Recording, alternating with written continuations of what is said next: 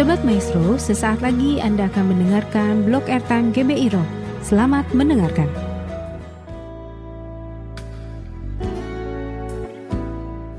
Hari ini kita melihat situasi di luar sana tidak mudah. Ada perkembangan pandemi yang luar biasa. Ada ketakutan.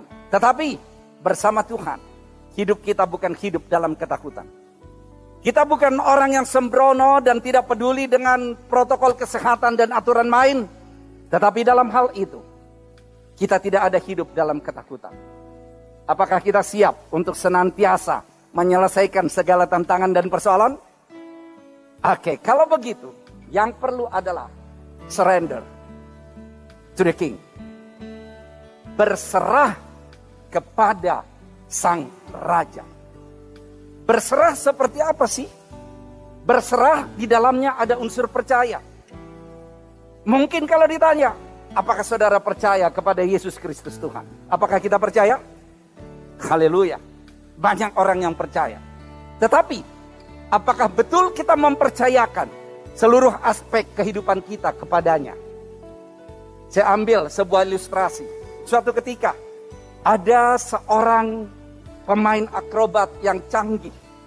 Kemudian dia naik sepeda di atas kawat sehingga orang lain melihat bahwa situasinya adalah situasi yang uh, sangat-sangat uh, menakutkan. Ini belum berfungsi. Nah kemudian dia berjalan naik sepeda melewati kawat ini dan dia sampai di sebelah lalu semua orang memuji dia. Semua orang kagum kepadanya. Dia katakan, wow luar biasa. Lalu dia bertanya, saya akan balik lagi ke sebelah. Apakah saudara percaya bahwa saya bisa melakukannya?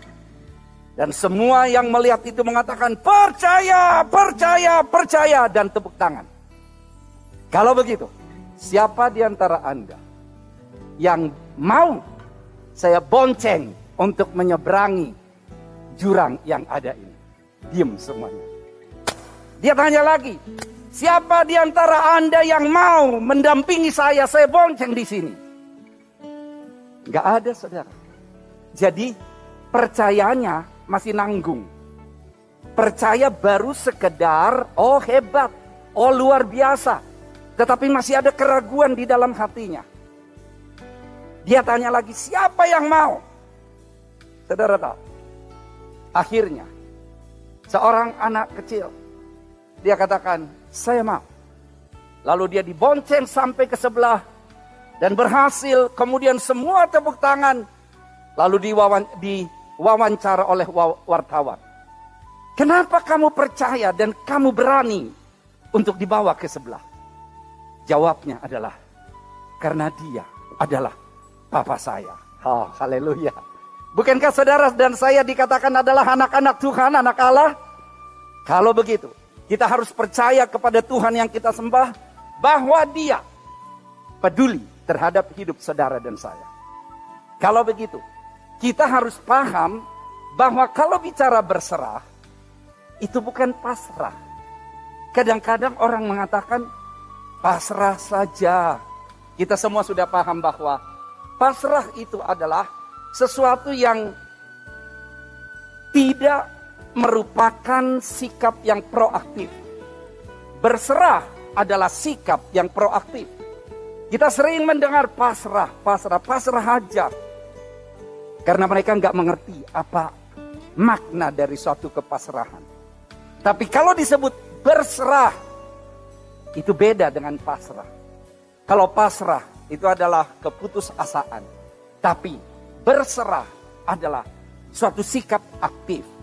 Jadi orang yang pasrah tampaknya seperti berserah, tapi pada dasarnya bukan berserah. Orang yang pasrah dilatar belakangi oleh keputusasaan. Orang yang pasrah dilatar belakangi oleh ketidakmampuan. Orang yang pasrah tidak didasari oleh iman. Kadang-kadang kita melihat tantangan di depan dan kita berpikir nggak ada lagi yang bisa kita lakukan. Itu pasrah. Kita harus segera sadar bahwa kita harus berserah. Orang yang berserah adalah orang yang bersifat bergerak aktif dan dasarnya adalah iman. Kalau dasarnya adalah iman, maka dia adalah orang yang bertindak karena iman tanpa perbuatan adalah mati.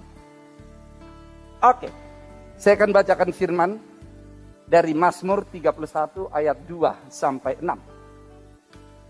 Dikatakan demikian, ayat 2.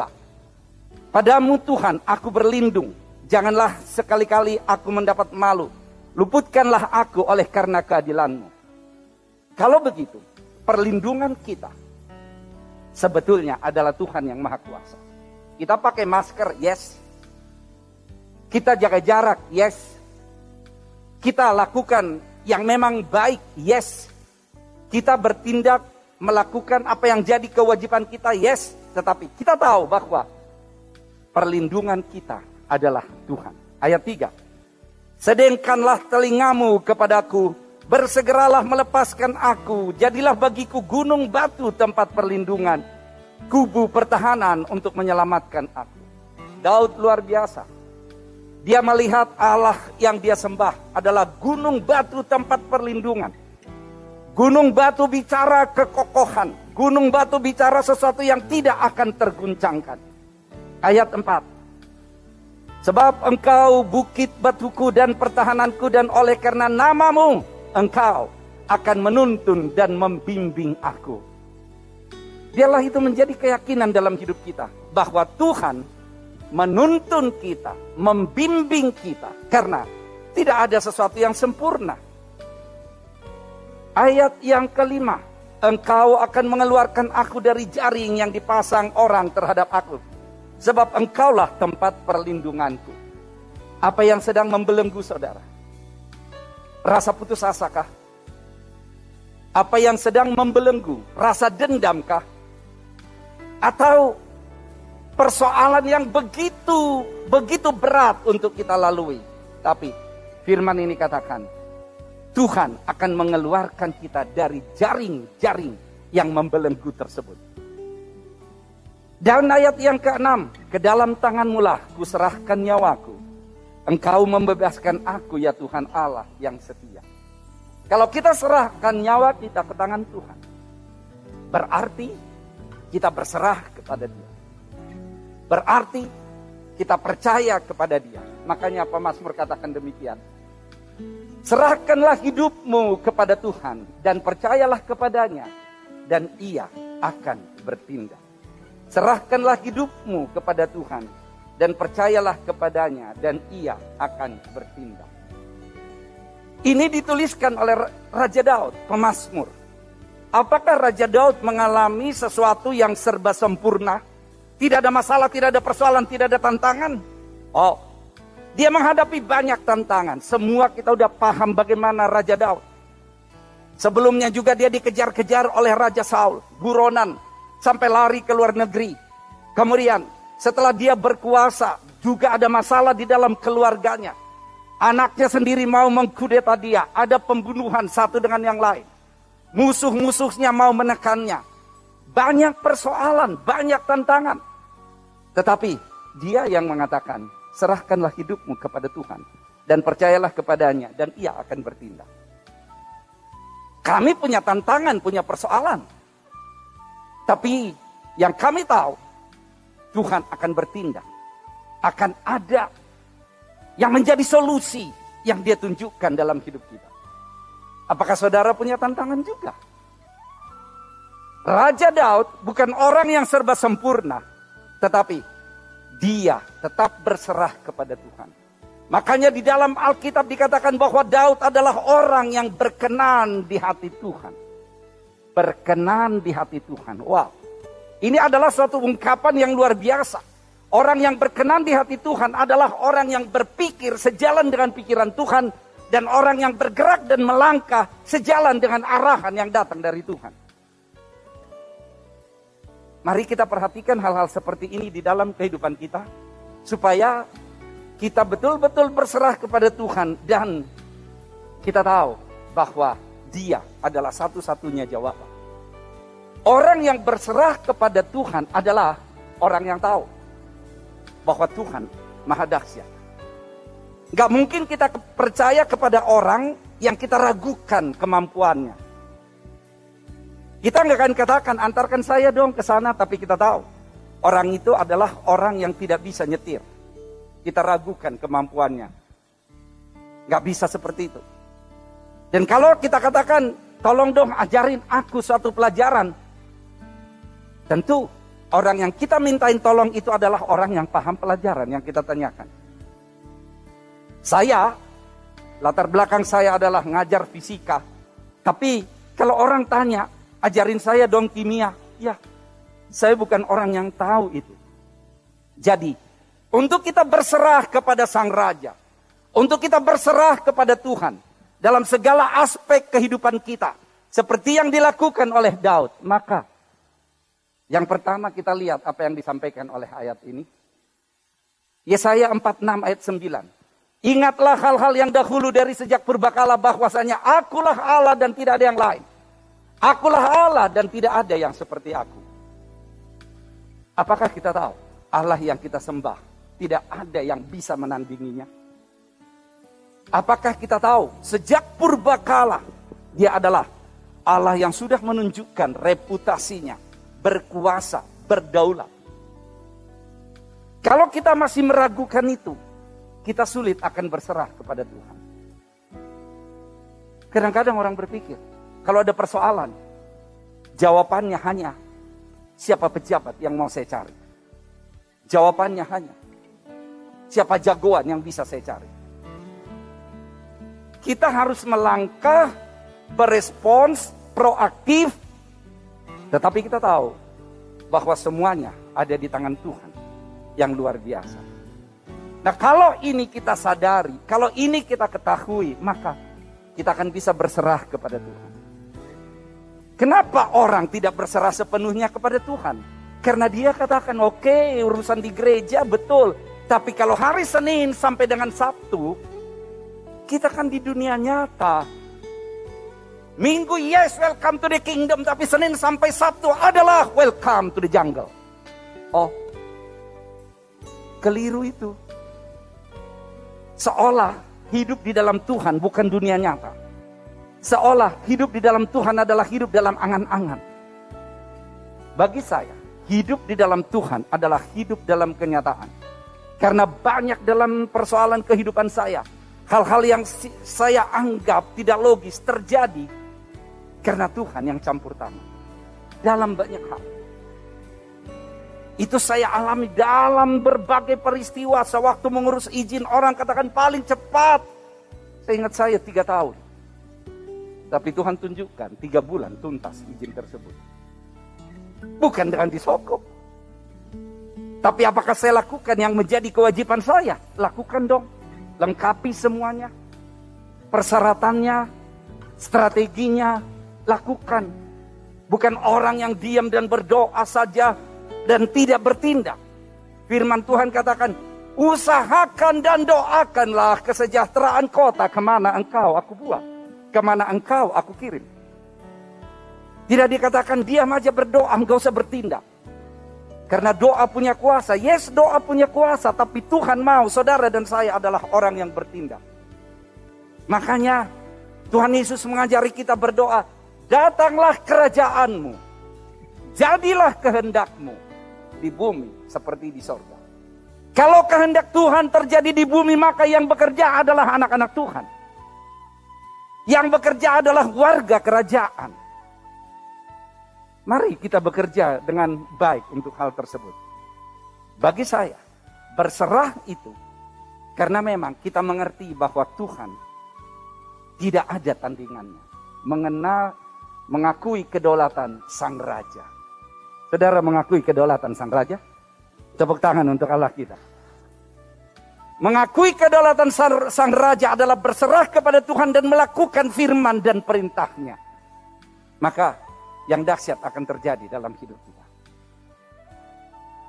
Kemudian, yang kedua saya lihat dari 2 Petrus 1 ayat 3 sampai 4. Karena kuasa ilahinya telah menganugerahkan kepada kita segala sesuatu yang berguna untuk hidup yang saleh oleh pengenalan kita akan dia yang telah memanggil kita oleh kuasanya yang mulia dan ajaib. Saudara dan saya dipanggil, amin. Katakan, saya dipanggil. Kok ada yang takut? Wah, aku dipanggil Tuhan hari ini pulang ke rumah Bapak. Bukan itu maksudnya. Katakan lagi, saya dipanggil Tuhan. Untuk suatu peran. Yang Tuhan berikan untukku. Jadi, ayat yang keempat. Dengan jalan itu ia telah menganugerahkan kepada kita janji-janji yang berharga. Dan yang sangat besar supaya olehnya kamu boleh mengambil bagian dalam kodrat ilahi dan luput dari hawa nafsu dunia yang membinasakan dunia. Wow. Kalau kita lihat ini ternyata orang yang berserah adalah orang yang hidup sesuai dengan panggilannya. Kalau orang berserah tetapi lari dari panggilan Tuhan, saya pertanyakan berserah di mana? Orang yang berserah adalah orang yang hidup dalam panggilannya. Seperti yang Tuhan mau. Makanya dikatakan tadi. Dia yang telah memanggil kita oleh kuasanya. Saudara dan saya dipanggil oleh kuasanya. Telah menganugerahkan kepada kita janji-janji yang berharga. Oh, apa maksudnya? Kalau kita tahu panggilan, Panggilan ada kaitannya dengan peran. Peran saudara dan saya di dalam kerajaan Allah mempunyai suatu kekuatan khusus yang dibutuhkan untuk peran itu. Mempunyai suatu keterampilan khusus yang dibutuhkan untuk peran itu. Jadi kalau saudara dan saya dipanggil untuk satu peran, firman itu mengatakan bahwa Tuhan telah menyiapkan segala sesuatu yang diperlukan untuk peran itu. Tuhan panggil saudara untuk satu peran. Dia kasih saudara satu satu kekuatan untuk itu. Makanya ada berbagai karunia. Ada berbagai kemampuan yang Tuhan berikan untuk setiap kita. Untuk apa? Untuk menjalani peran tersebut. Tapi ada orang yang mengatakan, peranku kan di belakang layar dalangkah? Tidak ada peran di belakang layar. Peran adalah melakukan sesuatu untuk Tuhan. Walaupun tidak harus di panggung sini. Mungkin di panggung sana. Mungkin di panggung malam-malam mempersiapkan segala sesuatu. Jadi kalau kita tahu peran kita dan kita lakukan, itulah berserah. Gimana saya bilang saya berserah kepada Tuhan tetapi Tuhan panggil saya sebagai seorang pengajar. Yang saya hanya andalkan adalah bagaimana Tuhan tuntun. Tetapi saya punya panggilan di sana. Dan orang yang punya panggilan tidak akan komplain terhadap apa yang dilakukan karena panggilan tersebut. Orang yang punya panggilan akan selalu antusias melakukan segala sesuatu dalam panggilannya. Dalam panggilan ada peran. Katakan sama-sama peran. Apakah saudara tahu apa peran saudara? Dan kalau sudah ada peran, tugas peran, ada time frame. Kapan? Selama saudara hidup. Jadi kalau peran saudara masih diperlukan untuk dituntaskan, Bapak di sorga belum panggil saudara dan saya ke rumah Bapak pulang. Tuntaskan dulu, karena ada time frame di sana. Ada waktu. Makanya dikatakan hidup ini bukan sekedar perasaan yang membuat kita komplain, yang membuat kita tersinggung, yang membuat kita putus asa, yang membuat kita stres. Tapi hidup ini adalah kesempatan. Yang terakhir, Wahyu 3, 7 sampai 8 mengatakan demikian. Dan tuliskanlah kepada malaikat jemaat di Philadelphia. Inilah firman dari yang kudus, yang benar, yang memegang kunci Daud. Apabila ia membuka, tidak ada yang dapat menutup. Apabila ia menutup, tidak ada yang dapat membuka. Aku tahu segala pekerjaanmu, lihatlah Aku telah membuka pintu bagimu yang tidak dapat ditutup oleh seorang pun. Aku tahu bahwa kekuatanmu tidak seberapa. Namun engkau menuruti firmanku dan engkau tidak menyangkal namaku. Mungkin saudara katakan, udah persoalanku ada saat ini tiba-tiba Omikron merajalela di depan sana. Maka aku tidak akan kuat menghadapi ini. Belum lagi soal jaga kesehatan. Belum lagi soal ekonomi belum lagi satu dan lain hal bagaimana aku tidak sanggup. Hah? Tapi Tuhan tahu. Tuhan berkata, aku tahu kekuatanmu tidak seberapa. Jadi orang yang berserah kepada Tuhan adalah orang yang mengandalkan kekuatan Tuhan karena dia tahu kekuatannya tidak seberapa. Firman ini disampaikan kepada jemaat Philadelphia. Saat ini saudara tahu keadaanmu. Tuhan tahu keadaan saudara. Tuhan tahu keadaan saudara. Jadi kita tidak tidak mampu, tidak kuat dengan kekuatan kita. Tetapi Tuhan memegang kunci Daud yang kudus. Siapa yang kudus? Yang kudus adalah Yesus Kristus Tuhan. Kristus yang kudus. Yang diurapi yang benar yang memegang kunci Daud. Kunci Daud bicara kerajaan Allah. Kalau dia yang pegang kunci kerajaan Allah, kunci apa yang dibutuhkan dalam hidupmu? Kunci ekonomi? Dia punya. Kunci hikmat? Dia punya. Kunci mujizat? Dia punya. Kunci apa? Tuhan tahu kekuatanmu tidak seberapa, tapi kalau engkau berserah kepada Tuhan, engkau adalah orang yang mengandalkan kekuatan Tuhan. Jangan andalkan kekuatanmu. Gak ada urusan dengan kepintaran, gak ada urusan dengan kekayaan, gak ada urusan dengan kekuasaan, gak ada urusan dengan ketenaran. Urusannya adalah andalkan Tuhan. Kuncinya, firman ini disampaikan kepada jemaat di Philadelphia. Philadelphia artinya adalah kasih persaudaraan. Kalau kita lihat ada tujuh gereja di sana. Ini sekitar Turki, dekat dengan Syria. Ada di sana Judea, Yerusalem, bisa kita bayangkan di situ. Ada tujuh jemaat. Dan rata-rata di celah Engkau suam-suam kuku tidak panas dan tidak dingin. Di mana kasihmu yang mula-mula? Bertobatlah. Kalau enggak aku akan mencabut kaki dianmu. Dicela. Ada dua yang tidak dicela seperti itu. Salah satunya adalah Philadelphia. Philadelphia adalah jemaat yang kecil. Mungkin engkau katakan aku adalah kecil, keluargaku nggak ada apa-apanya, pekerjaanku juga kecil, Usahaku juga kecil. Firman ini datang kepada jemaat yang kecil di Philadelphia. Kenapa kecil? Karena itu adalah kota kecil.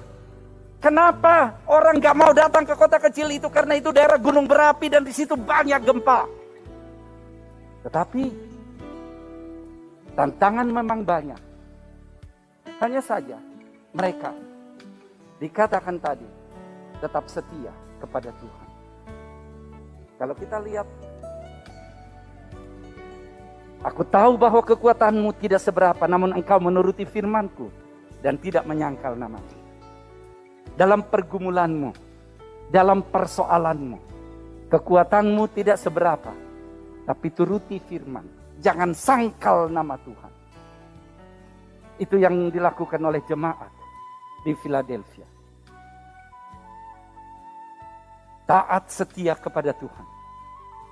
Dan dalam ketaatan kita, Tuhan mengasihi saudara dan saya. Ada yang diberikan kepada kita. Kekuatan. Kita nggak usah takut dengan segala persoalan yang ada. Karena kita tahu dia mengasihi kita. Saudara, tidak ada yang bisa kita andalkan. Tidak ada yang bisa kita sombongkan. Kita hanya berserah kepada Tuhan. Jadi, kalau kita lihat berserah kepada Tuhan bukan sekedar karena kita punya masalah. Tetapi dalam segala kondisi, lagi ada masalah, tidak ada masalah, lagi sukses, lagi ada tantangan, lagi keadaan apa pun, berserah kepada Tuhan. Berserah kepada Tuhan, bukan hanya hari tertentu, tapi setiap saat, setiap hari berserah kepada Tuhan.